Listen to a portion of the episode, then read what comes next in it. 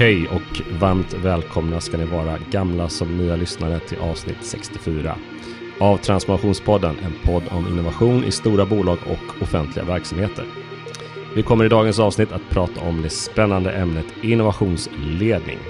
Och till min hjälp har jag en kollega till mig på Hello Future, Anna Wiggedal. Välkommen in i poddvärmen, Anna. Tack så hemskt mycket Johan. Väldigt trevligt att få snacka med dig här idag. Ja, jag tycker det också är väldigt trevligt.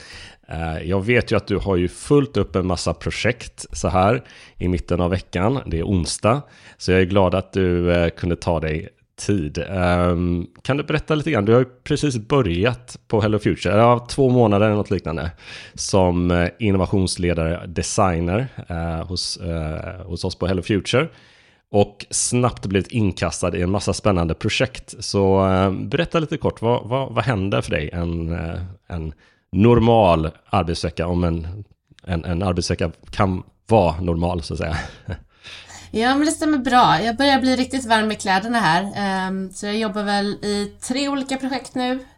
Eh, idag har jag suttit med mönsteranalysworkshops av en intervjustudie. Det är mm uppstart i ett annat projekt, en servicedesignprocess och mm.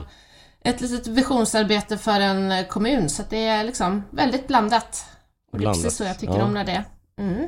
Låter som en, att du har fått en rolig tjänst. helt enkelt. Verkligen. Ja. Känns som jag hamnat helt rätt. Och du, eh, du kommer ju, innan du började på Hello Future så har du varit ganska länge, tio år till och med, på ett eh, väldigt välkänt företag, inte bara i Sverige utan över hela världen, nämligen Ericsson. Eh, kan du berätta lite kort eh, vad du eh, gjorde där som var så spännande att du var kvar i ett decennium? Ja, men precis. Nio år blev det, så nästan ett decennium i varje fall. Och det var ja, väl nio år, ja, kanske, just det. Ja. ja, rätt ska vara rätt. Mm. Det var kanske inte alls ja. planen när jag började. Så att eh, Ericsson var min första fasta anställning efter att jag tog examen 2012. Eh, mm. Från Chalmers, där jag läste teknisk design. Um, så jag blev anställd som uh, user researcher inom uh, Ericssons forskningsverksamhet. Um, och sen under de här nio åren har det varit liksom en lång resa. Jag har jobbat med samma team nästan hela tiden faktiskt, men på väldigt mm. många olika platser i företaget. Uh, lång tid inom forskningsverksamheten. Så Ericsson har liksom separerat research från utveckling, R&D, så det är liksom två separata enheter. Så forskningen är liksom inte kopplad till någon särskild produktportfölj eller liknande Nej, utan jobbar mm. mer utifrån teknikområden kan man säga, enkelt förklarat. Mm. Um, så där satt jag i, vad blir det, sex, sju år mm. inom olika forskningsområden och jobbade med mer utifrån in-perspektivet och vad kan man mm. använda tekniken till från ett väldigt användarcentrerat designdrivet perspektiv. Och sen de senaste två, tre åren har jag jobbat på en affärsenhet med eh, entreprenörskap och innovation kan man säga. Mm. Eh, på som en intern inkubator och accelerator som heter Ericsson One. Och det ska vi, eh, ja, vi ska beröra de här lite olika delarna som du har jobbat med under det här poddavsnittets gång. Eh, och eh, som, som jag nämnde i början då så, så kommer vi fortsätta att eh, djupdyka lite grann i det här med vad innebär det att vara innovationsledare då som du och jag kallar oss. Eh, och eh, jobba med innovationsledning utifrån ISO-standarden. Vi hade ett avsnitt eh, eh, för några veckor sedan med Kristina Svenningsson på Crearum. Eh, för er som inte har lyssnat på det så kan man gärna göra det efteråt också. Där vi, det är avsnitt 60 där vi dissekerar den här, den här profilen, de här sex stycken olika skillsen, eller man säger då, som man ska jobba med om man ska jobba med innovationsledning. Och vi tänkte liksom klä det lite grann med erfarenheter och tips och, och lite så här hur, hur man går tillväga när man jobbat eller jobbar i en stor organisation. Eh, du har ju då som sagt jobbat nio år på Ericsson. Eh, jag har eh, också över tio år i en annan organisation i offentlig sektor. Så jag tänker att det kan bli ganska intressant att se vad vi kommer fram till här under den här avsnittets gång. Men om vi nu tittar lite grann på det du berättar här då, eh, har, ju, har ju då jobbat med eh, innovationsmetodik eller design, jobbat med, med, som du säger då, utifrån och in-perspektiv titta på vad, vad driver kunden, vad driver affären eh, och även då stöttat, ehm, eh, stöttat interna idéer att bli verklighet. Om du berättar lite grann om liksom att, att jobba då i en i, på Ericsson. Jag menar, det, det, det, måste ju vara ett väldigt spännande företag. Det är ju känt för att vara väldigt innovativa. Eh, men det är ett stort företag. Det har en lång, lång historik. Det har kanske en ganska fast, rigid kultur. Ehm, ingenjörsdriven har jag förstått det som också. Ehm, kan du berätta lite grann vad, hur, hur, eh, hur, överlag, hur var det att jobba med de här frågorna i, eh, just på Ericsson? Var det liksom perfekta förutsättningar? Eller var det lite, ja, berätta lite grann. Ja, väldigt bra fråga. Alltså det är var både liksom bästa och sämsta förutsättningarna på en gång, är på att säga mm. nästan. Nej men som du sa, det är ju ett jättestort företag så det är ju väldigt olika beroende på vilket affärsområde eller vilken enhet man sitter på. Så att det är svårt att berätta om hela Ericsson samtidigt. Men det stämmer ju mycket väl som du sa att det är en väldigt eh, tekniktung och ingenjörsdriven kultur. Där, och i en sån kultur och en sån miljö så gillar man ju liksom logik, effektivitet, eh, kanske snarare gräva djupt på ett spår än att kolla stort och brett.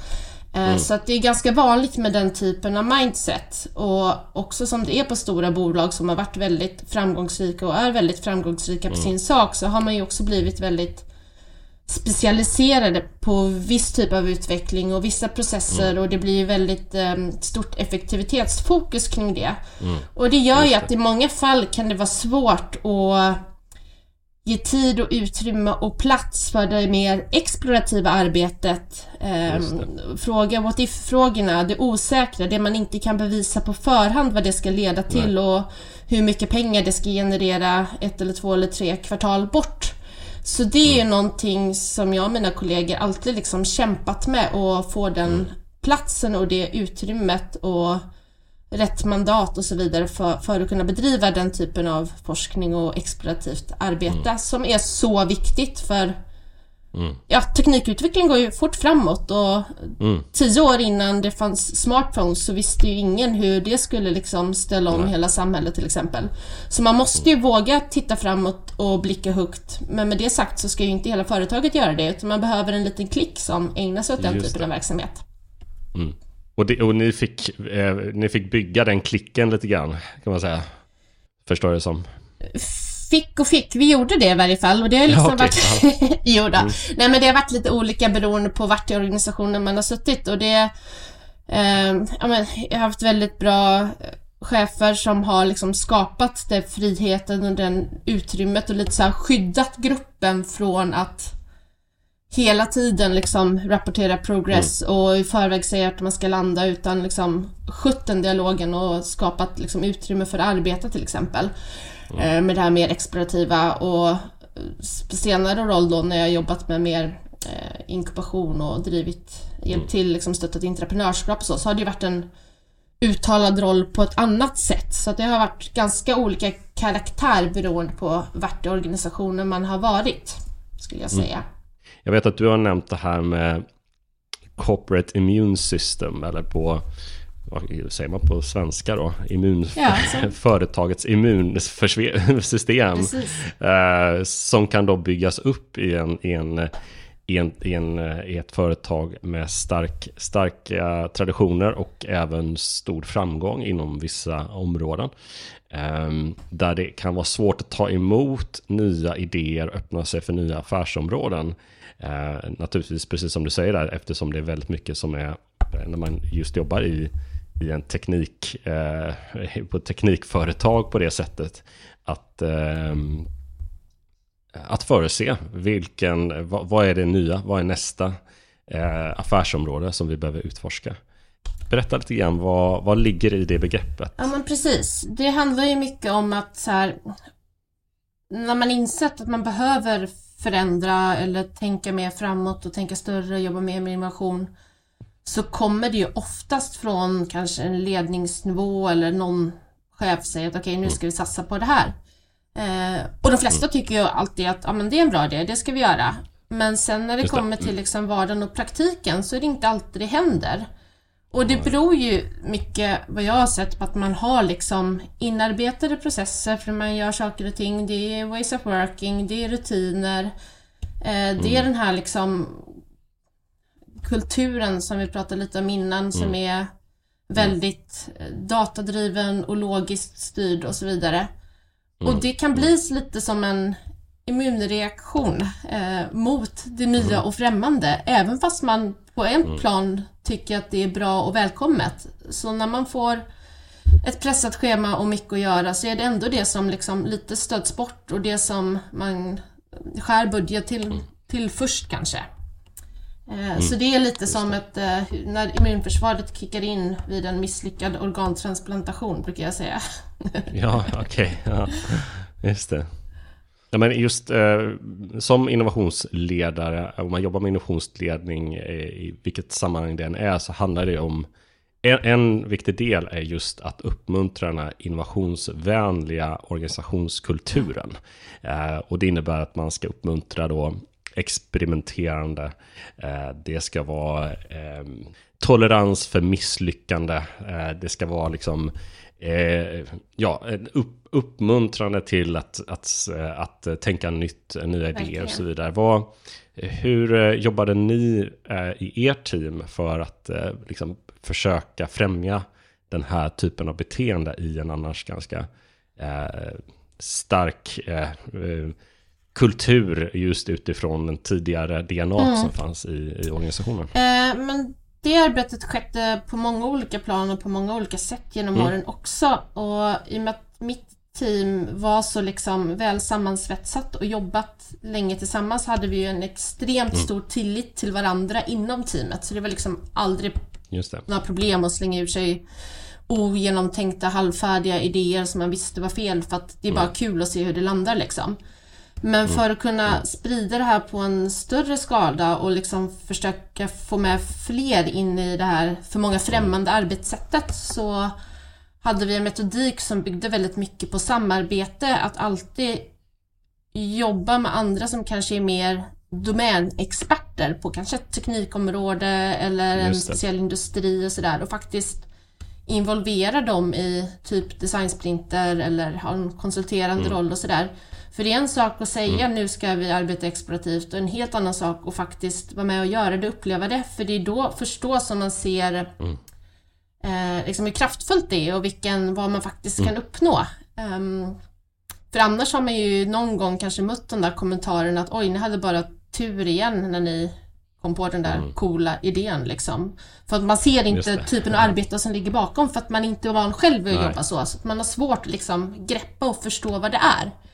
Så jag tror att det är mm. en jätteviktig grej om man vill förändra och eh, bli bättre på mm. liksom mer labbverksamheten och eh, liksom långa mm. horisonter. Att få med människor på olika nivåer i företaget och liksom ge dem en bättre inblick mm. i hur arbetet går till och inte bara slutresultatet. Mm, just det.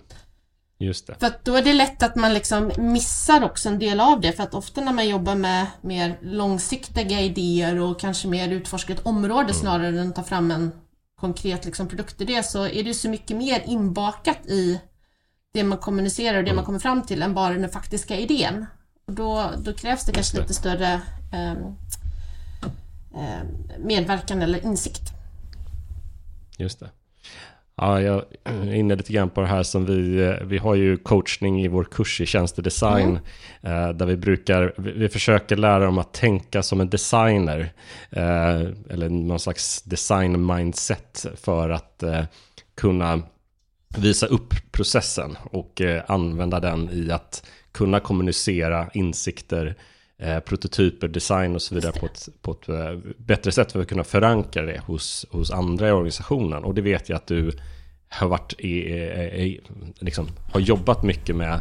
Och jag tycker det är väldigt intressant, så vi får gärna ut, utveckla det här, hur man säljer innovation eller liksom innovationsarbete internt genom att använda till exempel prototyp prototyper. Ja. Ehm, kan du berätta lite vad det, vad det är?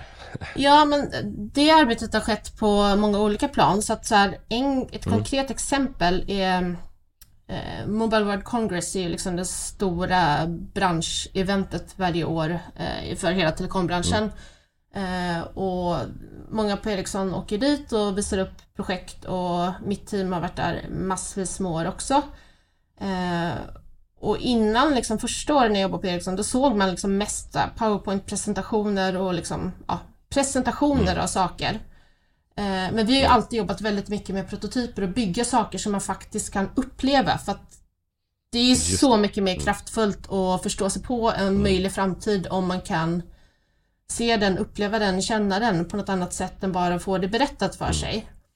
Mm. Och um, syftet med det är ju inte bara att göra en bättre upplevelse för de som liksom ser en demo på mässan utan också för att man ska förstå kraften av att faktiskt bygga saker och testa mm. saker, prototypa i innovations och liksom design mm. thinking eh, sammanhang. Så det är en grej. Och sen som jag nämnde tidigare också är att involvera andra i själva arbetet så man får vara med liksom och testa. Eh, det är ju många som är med från liksom vetenskapshåll, väldigt så här klassiskt ingenjörsskola som mm. vill tänka ut svaret först och räkna på det och sen börja testa när man är färdig istället för lite mer learning by doing och testa sig fram och det. så. Det sparar mm. man ju ofta både tid, resurser och lär sig mm. otroligt mycket längs vägen. Um, och sen en tredje grej som jag jobbat med en del är ju bara liksom att föreläsa och utbilda i vad är det här med design mindset mm. eller design thinking som man gillar att mm. prata om mm. i dagsläget. Uh, och bara göra folk som inte är insatta i det mer eh, bekväma och insatta i vad det faktiskt innebär på en åtminstone en teoretisk mm. nivå. Ja, det är ibland, eh, att jobba med innovation handlar ju så mycket om, du har varit inne på det, att liksom försöka visualisera eller berätta om framtidens scenarier. Mm. Liksom hur saker och ting kan bli och eh, eller hur mm, de behov som människan har eller haft i, i, så länge människan har gått på jorden nu ungefär.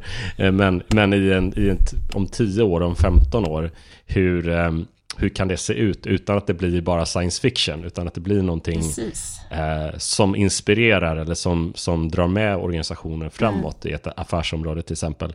Eh, och där som sagt var kan ju då prototypen något man kan nästan kliva in i. Eller det känns som man kan kliva in i, eh, i det. Så här kan det se ja. ut och det är liksom en, en typ av, um, i alla fall en typ av hypotes som gör att det blir uh, mer liksom, greppbart ändå, uh, vad man är på sätt ska navigera sig ja, fram. Och jag tror verkligen det där med liksom scenarion och beskriva framtiden är nyckeln. För att Mm. Jobbar man med produkter och tjänster som ska finnas om tio år, vi kan säga extremt lite idag om hur de faktiskt kommer se ut, men vi kan säga ganska mycket mm. mer om hur kontexten de kommer leva i kan se ut. För jag menar beteenden, omvärlden förändras mm. ju inte lika snabbt som produkten och tjänsterna som finns i den.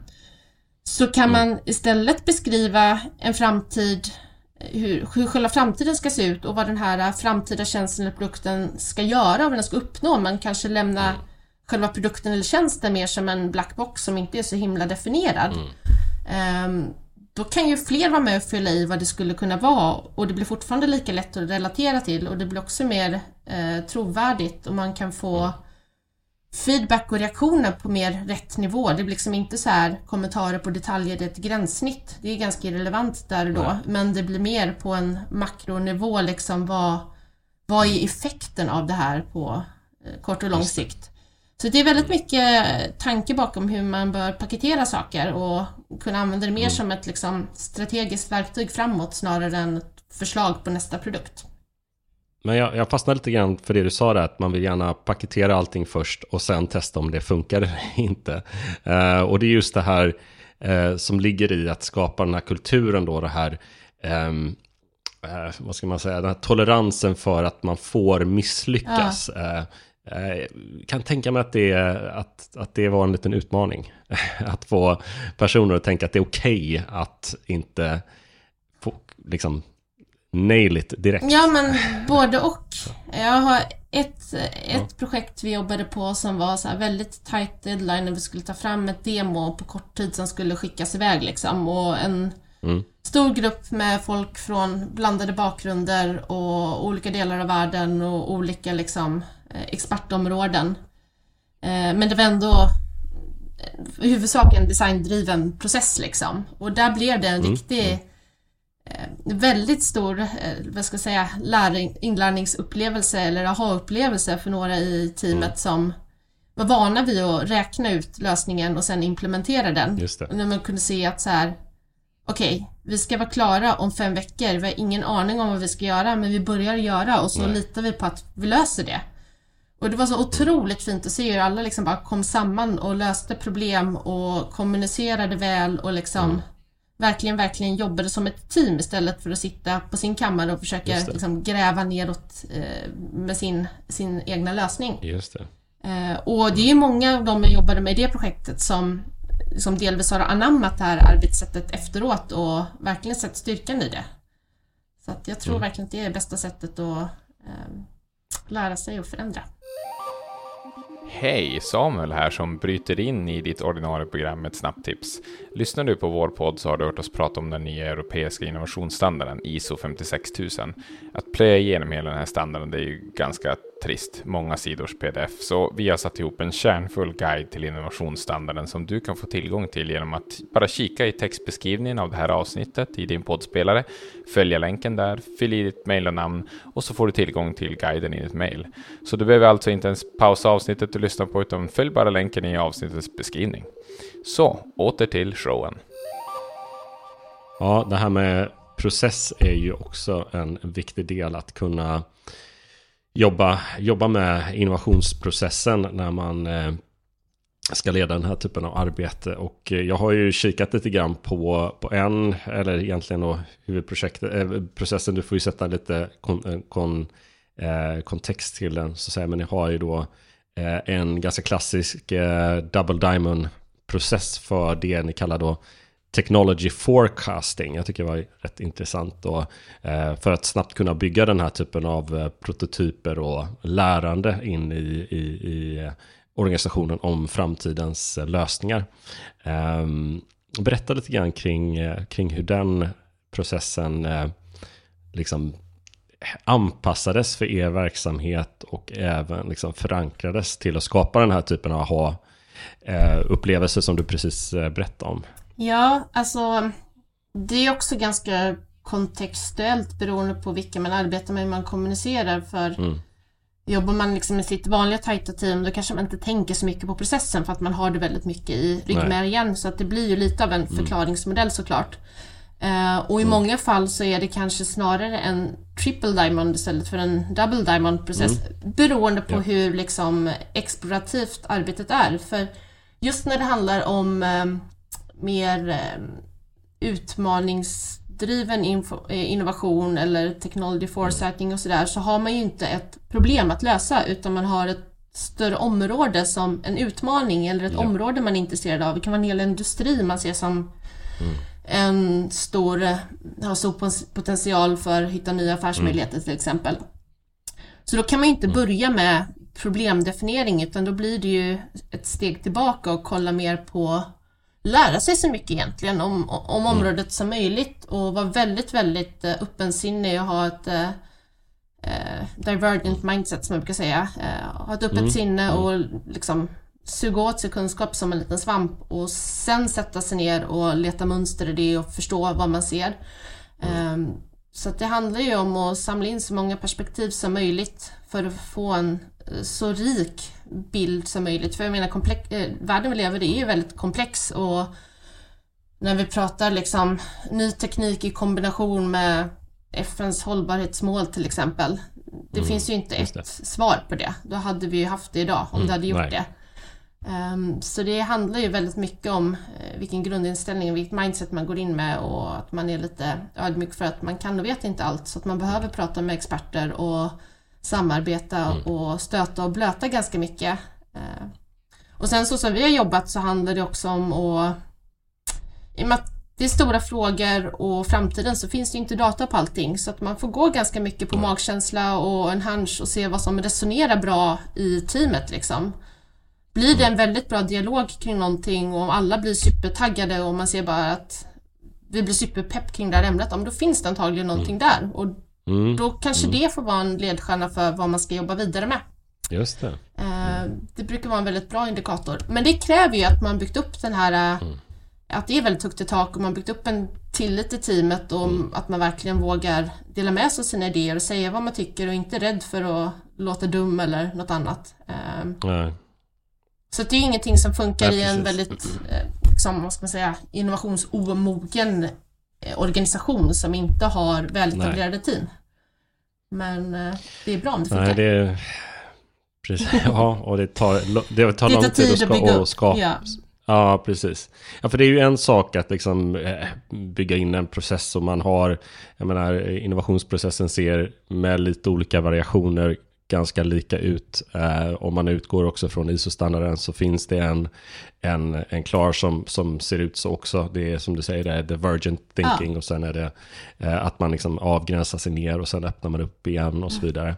Ehm, men eh, hur, hur kan man jobba med som sagt var att inte bara säga ja, men nu, nu ska vi jobba i den här processen utan vi ska också liksom få, få det här poletten att trilla ner hos ett, ett gäng som kanske inte är så vana och, och jobbar på det här sättet att se eh, det här, det här verkar ganska, det här ser lite nytt ut och det, är- det är lite osäkert när man, speciellt när man går ut i, i det här väldigt öppna sinnet som Mm. du precis sa och även när man genererar idéer och så vidare Mm, så kan det ju, det vet ju vi eh, bara nu när de olika projekten Oh vi ja. jobbar i, att det kan kännas ganska rörigt och det kan kännas osäkert och eh, kommer vi verkligen någonstans?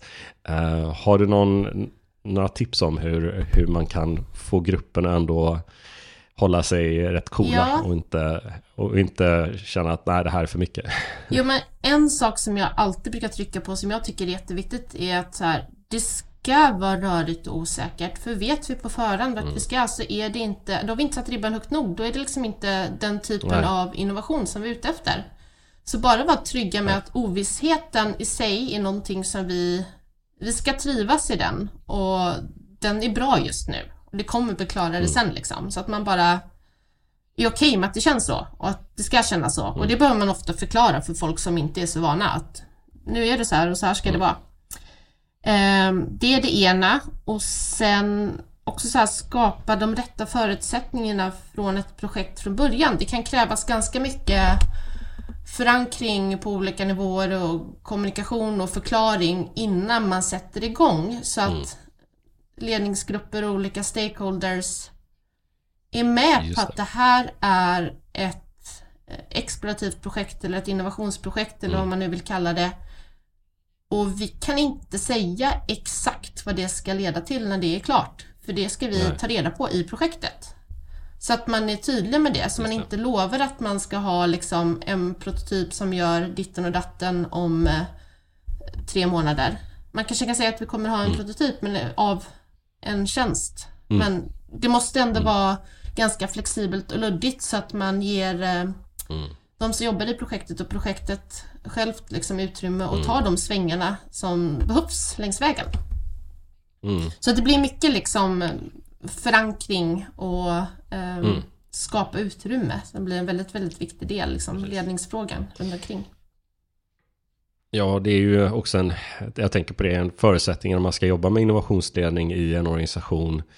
Att det är i princip omöjligt och, och alltså man kommer bara stånga sig blodig om det inte finns en, en förutsättning från, från ledningen, liksom från en högre instans Exakt. att, att du är, är här eller ni är här som team för att eh, ja, ert uppdrag är faktiskt att, att kunna utforska det vi Mm. inte vet så mycket om. Ehm, så det är naturligtvis en, en, en grundförutsättning för att jobba med innovationsledning egentligen. Oh Eh, naturligtvis ehm, i det. Eh, det som är svårare kanske kan vara det att det är olika förväntningar också från ledningen vad det kan innebära eller från medarbetare. Precis. Eh, så att, eh, som du säger, att, att det, det krävs en, en, en konstant påminnelse Ja. över, ja, det här innebär faktiskt det här i praktiken, när vi väl jobbar med det. Ja, och där har jag att sett att säga, det har varit ja. väldigt så här effektivt att kunna visa upp tidigare exempel på samma typ av projekt, Just kanske det. inom en helt annan domän. Just men det. här var frågeställningen det här och det mm. ledde till det här. Mm. Och det kan se ut så här när det är klart. För att mm. är det här ett arbetssätt som är nytt för någon så har man ju svårt att relatera mm. till det och se det framför sig själv. Så då är ju exempel väldigt kraftfullt och bra att använda sig av. Jättebra tips ska jag säga till, till, eh, till mig men också till alla som lyssnar. Eh, det är paketera era projekt väl när ni väl gör den här typen av utforskande eh, innovationsprojekt. För att det, det är det är förutsättningarna, även om det kanske var en fail eller det kanske inte blev exakt någonting så är det i alla fall ett bra, eh, ett bra case internt att driva eh, så att säga för att, för att öppna upp för nya, eh, nya möjligheter. Verkligen. Ja. Ja, ja, du är inne på det här med, ehm, med eh, just att få bra förankring. Ehm, jag vet att ni jobbade mycket med externa eh, organisationer också. Att få ihop, eh, att kunna lösa saker och liksom få in annat. Det kanske var eh, från forskning eller fram, ja, det, det vet precis. inte jag. Men jag vet att, att ni, det är också en viktig del så att säga. Ja. Att, att, eh, att kunna öppna upp organisationen för, för an, andra relevanta organisationer ja. att delta i innovationsarbetet så att säga. Eh, vilket också kan vara en stor utmaning att göra. Mm. Att liksom få det på plats och även kunna liksom skala upp sin egen process tillsammans med andra som inte är del av organisationen. Vad har du för erfarenheter där? Ja, alltså det finns ju flera skäl till att vi har gjort det skulle jag säga. Men nummer ett är ju att alltså som de, den typen av designers vi är så vi är ju liksom experter på arbetssättet och processen och kan väldigt mycket om mm. till exempel Ericssons teknik, även fast vi inte kan så mycket som någon som sitter och jobbar och utvecklar den förstås. Och så. Men de komplexa utmaningarna i omvärlden och de specifika industrierna jag har jobbat med och sådär, de är inte jag expert på. Och då krävs det att man Nej. tar in en partner som, kan, som äger utmaningen eller kan liksom domänen. För att kunna mm. göra det på ett trovärdigt sätt. Och det blir mm. också mm. väldigt kraftfullt för att kunna liksom, eh, om man inte kan ta fram data på att en kund kommer vilja ha det här om fyra år. Mm. Så kan man ju ta med sig en kund i projektet som själv säger att ja, men det här är vi intresserade av, det här är superviktigt för oss. Mm. Så det blir ju också Just ett det. sätt att liksom bevisa på vikten utav det och skapa mer trovärdighet mm. kring det. Och sen är det ju alltid superkul att samarbeta såklart. Ja, ja. Jo. Så att, nej men vi har jobbat mycket med externa partners i olika sammanhang och ganska mycket olika mm. former. Det har liksom varit allt från mångårigt samarbete med UN Habitat till eh, liksom mm. Mm. bara konsultera med olika städer och kommuner eller företag mm. eh, och bolla liksom koncept till att Mm. faktiskt driva projekt tillsammans som vi gjort med till exempel Boliden uppe i Skellefteå och sådär. Ja. Just så det, lite olika mm. former och då har det mest varit i liksom formen av forskningsprojekt så att det inte är någon typ av produktutveckling. Mm. Um, mm. För det har varit enklast för den positionen vi har varit i. Men jag, jag kan tänka mig också att um det är lite lättare när man heter Ericsson att säga att ja, men vilka vill samarbeta med det här och det här? Eller har jag fel? Jo, men det, det är lätt att komma in, men sen är det också framförallt många mm. mindre företag, ska jag säga, men det kanske inte är sant. Men jag, jo, jag mm. tror många mindre företag som säger okej, okay, mm. nu kommer stora Ericsson, då kommer de med en pengapåse till oss. Mm. Och så är ju inte riktigt ja, syftet med dem, så det gäller ju att hitta Nej. rätt former och framförallt rätt, rätt personer. Alltså man behöver ju ha mm. lite motsvarande team som jag har suttit i på liksom andra företaget som eh, vill samma sak och vill få ut samma sak mm. i samarbetet. Så det är återigen relationsbyggande som är väldigt viktigt. Ja, det behöver man ju ha tid för i, i det här arbetet att kunna liksom identifiera de både organisationerna men också människorna mm. som, eh, som, som man faktiskt kan få ihop någonting konkret med. Exakt. Ja, vi, vi betar ju av lite olika ja. delar här som, som innebär att, att, eh, att jobba och eh, som sagt var jättespännande eh, kontext just med som du har varit i som vi säkert kan prata otroligt mycket om de här olika delarna vad det, vad det innebär. Men vi ska försöka också få ner det till, till några av de här nyckeldelarna i att, att jobba just med innovationsledning. Och en är ju också att eh, kunna eh, liksom stötta och, och initiera eh, personer eh, i organisationen som sitter på eh, ett, det kan vara ett affärsområde eller ett, ett kundområde eller vad det nu är, eh, en, en viss del som är prioriterad, att här behöver det hända någonting nytt kanske. Eh, och det, det börjar spira upp kanske en hel del intressanta idéer för, för de här, um, ja, för, för att jobba med någon typ av, av innovation helt enkelt. Och det vet jag att uh, det är inte det enklaste. Det är, inte, det är många som försöker starta igång den här typen av kanske innovationstävlingar eller det här att alla, eh, det är någon typ av idélåda till och med kanske. eller någonting. Uh, men det var ju någonting som du jobbade med Eh, om jag inte minns helt fel så var det väl de sista åren Precis. då på det här Ericsson One. Som är ju då den här eh, acceleratorn då för, för att medarbetares idéer eh, ska kunna liksom få igång. Och den är, som jag har fattat det i alla fall, som i min lilla research som jag har gjort så, så fanns det en ganska tydlig process för den och ett genomtänkt liksom, eh, sätt att, att jobba. Mm. Men du får gärna berätta lite grann, vad, vad, eh, hur funkade det? Och eh, hur såg incitamenten ut ja, att, äh, att gå in i det här? Jo men på, som på alla stora företag föreställer mig så finns det som du säger många olika initiativ för att främja innovation på olika nivåer och så har det ju varit mm. även på Ericsson. Eh, allt från idélådor till lokala initiativ på liksom specifika mm. affärsområden. Men när Ericsson One har funnits sedan 2018 tror jag det ja. Eh, och är väl kanske ett av de mer största och seriösa liksom, ansatserna för att främja och stötta entreprenörskap framför allt. Så det handlar om att fånga upp mm.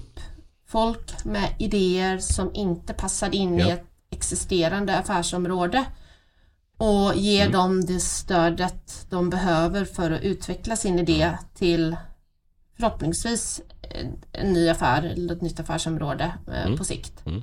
Eh, så att vem som helst får komma in, pitcha sin idé och sen så är det liksom olika ehm, steg i processen där man får mm. mer investeringar och mer stöd allt eftersom det liksom eh, vettas och godkänns och mm. får gå vidare. Så stora drag hur det funkar och min roll i det hela var att sitta i ett team som bidrog mycket med liksom eh, design thinking, användarcentrerade perspektivet mm. eh, och stöttade med lite coachning och eh, mm. ja, rådgivande roll till den typen av projekt. Mm. Vi har ju haft eh, bland annat en, en, en forskare eh, inne eh, för något år sedan i, i podden. Forskar just på entreprenörskap. Ehm, vi har också haft en, en gäst som, har, som heter Olle som pratade om hur det här funkar på, på Danderyds sjukhus. Mm. Väldigt andra förutsättningar naturligtvis när det inte är en kommersiell eh, verksamhet men det blir en kommersiell produkt sen då. Eh, det ska vara intressant, vad, kan, kan du berätta lite grann om, jag vet inte om du vågar ta ett case till och med, men lite hur, hur ser den här processen ut och vad är liksom, om man nu ska påbörja någon sån här typ av eh, verksamhet i en organisation, vad, vad tycker du är viktigt att tänka på? Ja, alltså jag tycker det är viktigt att man får med liksom eh, hela perspektivet um, så man inte går in på affärsutveckling för tidigt. Utan Nej. ger faktiskt liksom ordentligt med plats för idéutveckling. Um, mm. För så som jag har sett att det funkar så bidrar man ju med en idé som man har och kanske gått och funderat på länge men kanske inte haft tid att utveckla så mycket för man sitter ju i sitt mm. vanliga jobb. Det ser väldigt olika ut men mm. jag har sett det många gånger. Eh, och sen går man in i den här processen och får coachning och stöd och hjälp och eh, ja, olika incitament för att utveckla sin idé vidare men det behöver ganska snabbt bli bevisat att det kan bli en bra affär av det. Och i vissa fall så funkar ja. det väldigt bra men det beror också lite på vad det är för typ av idéhöjd och horisont på eh, området man jobbar med. Eh, att ibland så kanske man skulle, som vi pratade om tidigare, där, lägga till ett steg tillbaka och utforska kontexten mm. och lära sig mer om idén innan man är redo mm. att börja kommersialisera mm. och utveckla tekniken för den. Eh, så det är någonting som jag önskar att det fanns utrymme att lägga mer tid för, för det är en process som tar mycket mm. tid. Um, mm. Och det är svårt hur man ska hantera det, för det, där är ju ovissheten mm. som störst. Om man ska kräva att folk ska göra det på sin fritid eller hur? Jag vet mm. inte, jag har inget svar på den frågan. Men för de som Nej. sitter i en organisation som vill skapa en egen apparat för att driva innovation på något sätt mm. liksom, och entreprenörskap så är det liksom ett medskick jag vill göra och tänk på det. Hur kan man främja den delen av processen ännu mer? Men annars så är det liksom en ganska eh, straightforward process där man mm. får olika tidsintervaller, utveckla sin idé och sen så pitchar man den omgångar och får liksom större investeringar och ska få med kunder mm. på tåget. Och, så det, det. Ja, går över till mer affärs och produktutveckling eh, ganska snabbt. Det, det, blir lite Draknästet. Jo men det är lite den typen av upplägg. Också. Absolut. Ja. Precis. Ja, men jag kan tänka mig just när eh, man, man då går tillbaks till vår kära tjänstedesigner, design thinking, om att testa liksom desirability, viability, feasibility. Ja. Eh, det vill säga, eh, finns, det, finns behovet faktiskt?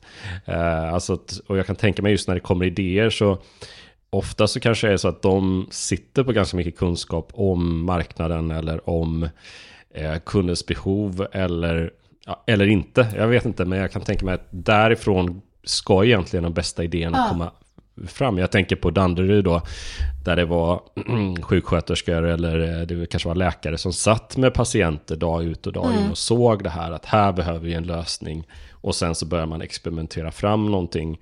Det vill säga att man hade ganska bra på fötterna innan att här löser vi det här problemet så, så går det mm. att skala upp och lösa väldigt många personers problem. Men från teknik, um, ja, jag tänker lite högt där, men om en teknikdriven organisation eller ingenjörsdriven organisation så kan det vara mycket kanske att, ja men tänk om vi utvecklar den här tjänsten, den här ja, produkten, den här tekniken. Det är helt klart mycket svårare. Uh, just av mm. det skälet också i och med att så här, Ericssons kärnprodukt är konnektivitet. Det kan man använda till typ mm. vad som helst. Så det är så otroligt brett och komplext. Uh, så det mm. finns liksom mm. inte ett typfall. Och sen Nej. Är ju de allra flesta, skulle jag säga, nu det är ju klart det är spridning, men det är väldigt många som är liksom experter på tekniken. Så de, det är ju så här klassiskt att man ser att man kommer med en teknisk lösning, men man har inte riktigt mm. problemet man löser klart för sig, utan det försöker man hitta i Nej. efterhand, så det blir liksom lite bakvänt. Eh, så att mm. man försöker hitta desirabilityn eh, men man har redan feasibilityn klar liksom. Man har, det här är en fantastiskt fin teknik men Mm. Så letar man efter detta use caset för den. Mm. Um, så det blir liksom många utmaningar och i och med att idéer som kommer in kan ha väldigt många olika uh, former och paketerade på väldigt många olika sätt. Mm. Just därför så är det mm. svårt att göra en perfekt process för det. Så det kräver ganska mycket flexibilitet i den tycker jag. Mm. Och ibland så har det lyckats fantastiskt bra också. Men jag kan tänka mig också i en sån organisation som Ericsson så stöter det säkert på patrull sen Oavsett när man ser att eh, men det här kommer vi inte tjäna pengar på. Eh, men sitter man kanske i en offentlig eh, en myndighet eller mm. en kommun eller liknande så, så är det ja, då, då, då, då kanske det inte finns riktigt den, den eh, vad ska man säga? De, andra drivkrafter. De hindren, ja. allt. Ja, ja, lite andra drivkrafter ja. som man naturligtvis tar reda på. Men, men eh, absolut, jag, jag, förstår ju det här eh, problemet att det är vanligt så att säga att du som designer eller innovationsledare eller man säger vill gärna ta det tillbaks till liksom kundnyttan har vi utforskat nog och Precis. vet nog om eh, personer som den här är eller de här eh, de, de vi ska lösa problemet för. Yeah. Eh, naturligtvis. Och den, den analysen måste vara eh, rigid ja. så att säga, innan man går vidare. Ja, och det är ju såklart så att alla kommer ju från olika bakgrund och man kan ju sitt eget område mest så att de som kommer från affärsutvecklarbakgrund mm. vill ju hoppa in i, i affärsvärdet och mm. affärsmodellen direkt mm. för att det är ju där man är trygg. Så att det gäller ju att hitta en balans där alla, alla delar får sitt utrymme för att då tror jag att vi utvecklar de absolut mm. bästa eh, lösningarna och idéerna. Men det var en, en sak som jag också fastnade på när jag läste på lite grann om, om den här verksamheten. Det är ju att eh, ja, men man lockar också in eh, personer genom att säga att eh, ja, men du har ett fantastiskt nätverk. du har tillgång till patent, du har tillgång till en, en, en, historia, mm. eller ja, inte bara en historia, en företagshistoria, men också en, en kunskap som, som, som, som är liksom väl, väldigt hög oh ja. kring affärsområdet. Eh, så det är också en väldigt tacksam eh, förutsättning eh, när man ska gå in som, som intraprenör eller man ska ut och utveckla Verkligen. någonting. Kan jag tänka för jag mig. menar, för vissa ja. personer så står de ju alternativet, okej, okay, ska jag säga upp mig och utveckla min idé själv utanför bolaget eller ska jag göra det som intraprenör? Nej. Och mm. har du liksom möjligheten att göra det internt som en intraprenör och få liksom ta del av all kunskap som finns i olika områden och patent och sånt som du säger så är det ju en fantastisk möjlighet och fördel såklart än att göra, jämfört med att göra det på egna ben. Och en annan typ av trygghet också. Så att det är ju den stora vinsten för många mm. individer skulle jag säga. Ja, men det är väl någonting som eh, man kan ta med sig vidare om man är eh, på gång eller intresserad av att starta upp den här typen av verksamhet i sin egen organisation. Att se till att alla resurser, inte bara pengar eh, då som resurs eh, och, och innovationsteam på plats, utan också att hela organisationen liksom finns till förfogande. Mm. På, på något sätt eh, utifrån den idén man har. Ja, man vill ju inte göra innovation till en avskild enhet. Man vill ju att det ska hända, Nej. det ska ju vara en kultur över hela bolaget, det ska hända överallt. Precis. Sen kan det behövas någon form av katalysator, ett centrum för det som driver mm. lite extra såklart. Mm. Men det får aldrig bli en silo som jag ser det. Det är farligt. Som sagt var, eh, nu, nu har ju den här verksamheten då funnits sedan 2018 sa du. Eh, det kanske har funnits liknande tidigare och ehm, jag har lite för dålig kunskap om eh, framgången av den här typen av initiativ. Men jag vet ju att många av de här stora kända bolagen, eh, de, de har någon typ av sån här verksamhet. Mm. Eh, ja, men Google till exempel, eller Facebook, Precis. om vi tar de här vanliga stora drakarna. Eh, och det är väl därför också många vill eh, testa på det här, försöka, eh, de som har så pass stora muskler ändå som Ericsson har, att göra någonting. Ehm, och det är i alla fall bra att testa, för det kan ju vara det behöver inte alltid vara just den här typen av accelerator som är den rätta, den rätta vägen att gå. Eh, men på något sätt så behöver man fånga in eh, liksom den dolda potentialen som vi har nämnt här i tidigare podden Absolut. av medarbetarnas kunskap, idérikedom och driv. Ja. Eh, och sen behöver det finnas ett, ett tajt innovationsteam med ledare och olika kompetenser som kan leda dem vidare, eh, både i metodik men jag kan tänka mig också att koppla ihop dem då med rätt personer oh ja, i organisationen. Det är, ja, precis, det är det, det, är det också. Um, men jag tänkte det, vi, när vi pratade sist om eh, innovationsledning eller innovationsledaren, när man säger i den här podden, så var det någonting som, eh, som vi eh, landade i ganska, ganska starkt, eh, jag och Kristina Svenningsson då, som, som pratade det avsnittet. Och det var att eh, vi, vi pratar inte om en enskild rockstjärna som ska vara inne och leda innovation. Och det är ju precis det du nämnt flera ja. gånger här också. Ett starkt team.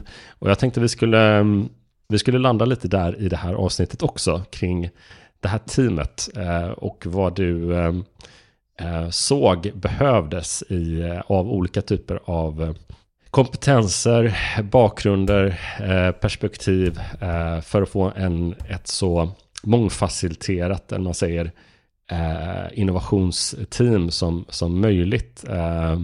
Vad drar du med dig för erfarenheter där och tips för den som lyssnar om man ska börja bygga den här typen av innovationsteam? Och det där är en svår men jättespännande fråga. Alltså jag skulle säga att så här, mm. grundgrejen är att alla personer måste ha rätt typ av mindset. Att man är lite bekväm mm. med ovisshet, att man är nyfiken, att man vill blicka framåt, att man inte är för mm. liksom så här, jag måste följa protokollet i alla lägen. Det är, det är någon form av grundförutsättning. Men utöver det så tror jag starkt att mångfald är viktigt. Att man kommer från olika mm. perspektiv och bakgrunder så att man kan mm eh, som kommer med olika saker till bordet och bidrar med eh, olika lärdomar mm. och perspektiv.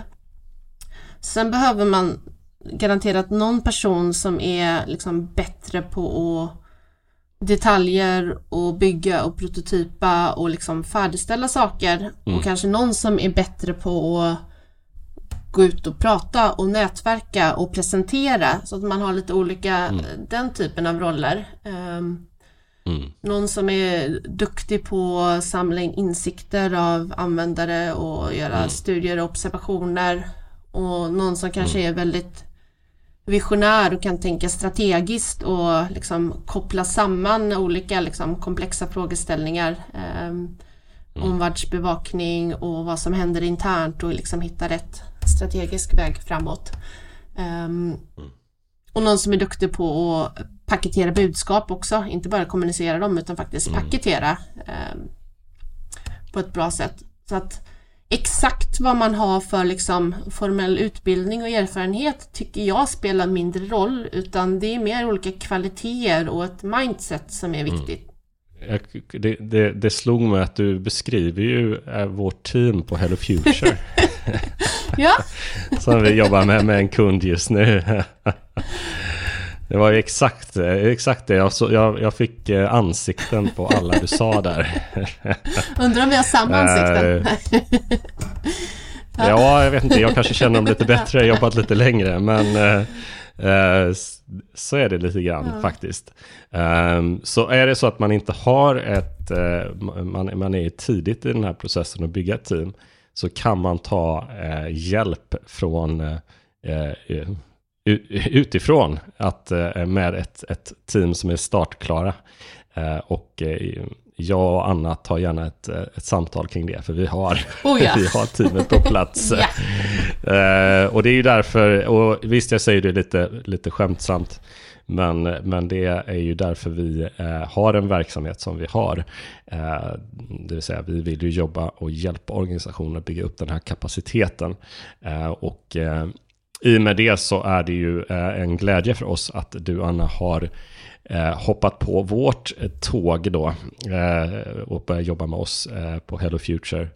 Um, och nu säger jag inte oss som oss och du, Ja. utan det är ju det är vi då. Ja. Men eh, det, det, är, det är väldigt roligt och med den här bakgrunden, de här erfarenheterna som du har, så, så stärker det upp väldigt, eh, väldigt bra i det vi försöker göra och skapa. Eh, det vill säga hjälpa organisationer att jobba systematiskt med innovationsledning, innovationssystem, utifrån ISO-standarden och utifrån de olika förutsättningarna som man har, eh, oavsett om man är kanske en lite mindre organisation eller en stor, mer komplex organisation, eh, oavsett om man har en, en eh, affärsmässigt drivkraft eh, och mål eller om man har någon typ av samhällsbyggande eh, uppdrag, politiskt uppdrag eller liknande. Ja, det, det blev en liten pitch av, eh, av, av innovationsteamet på, på Hello Future. Men det, det kanske vi är lite dåliga på att, eh, att pitcha i den här podden. Så det är bra att lyfta det också. Vi, eh, Bra att ta tillfället i akt. Ja, men det är också så att vi, vi, vi jobbar med många spännande projekt. Eh, Du och jag jobbar ju i några av dem. Inte minst kopplade till kollektivtrafik och resande. Och vi vill ju, vi är ju sugna på att hjälpa fler Oh ja. som, som håller på i, i, i samma sektor eller andra sektorer så att säga. Eh, som, som rör det här. Eh, där man är intresserad av att veta hur man kan komma igång med sitt innovationsarbete. Ja, ehm, en liten annorlunda en, avslutning på den här podden än vad jag kanske trodde, men jag kunde inte, jag kunde inte, ehm, jag kunde inte hålla mig och, eh, och knyta ihop det på det sättet. Men är det någonting annat som, som du skulle vilja sammanfatta det här resonemanget vi har haft i, podden idag innan vi, eh, innan vi tackar för oss och så? Jag tyckte du avslutade fantastiskt bra. Ehm, och jag skulle kunna fortsätta i all oändlighet och prata om det här för jag tycker det är så spännande. Men eh, nej, jag tycker att vi har täckt in mycket och det har varit väldigt spännande och intressant att få gräva ner sig lite grann. Ja men bra, tack för att du eh, deltog och eh, vi ska säkert få med dig på ett hörn här framöver när vi så att säga fortsätter gräva ner i de olika delarna i, i, i att, att leda innovation. Eh, och som sagt var också tacka alla som har lyssnat idag och ta gärna kontakt med oss om du vill ha, påbörja en dialog med hur man jobbar på det här sättet. Eh, man kan mejla mig direkt på johan.hellofuture.se eller anna.hellofuture.se. Väldigt enkla eh, mejladresser. Eh, och eh, ni har säkert fått lite mer information i det här avsnittet om annat man kan ta del av från oss på Hello Future på vår webbsida. Eh, och i andra poddavsnitt naturligtvis. Så med de orden så tackar vi för oss och eh, ja, om två veckor så kommer det ett nytt avsnitt. Så då hörs vi igen. Tusen tack för idag. Tack, hej då. Hej då.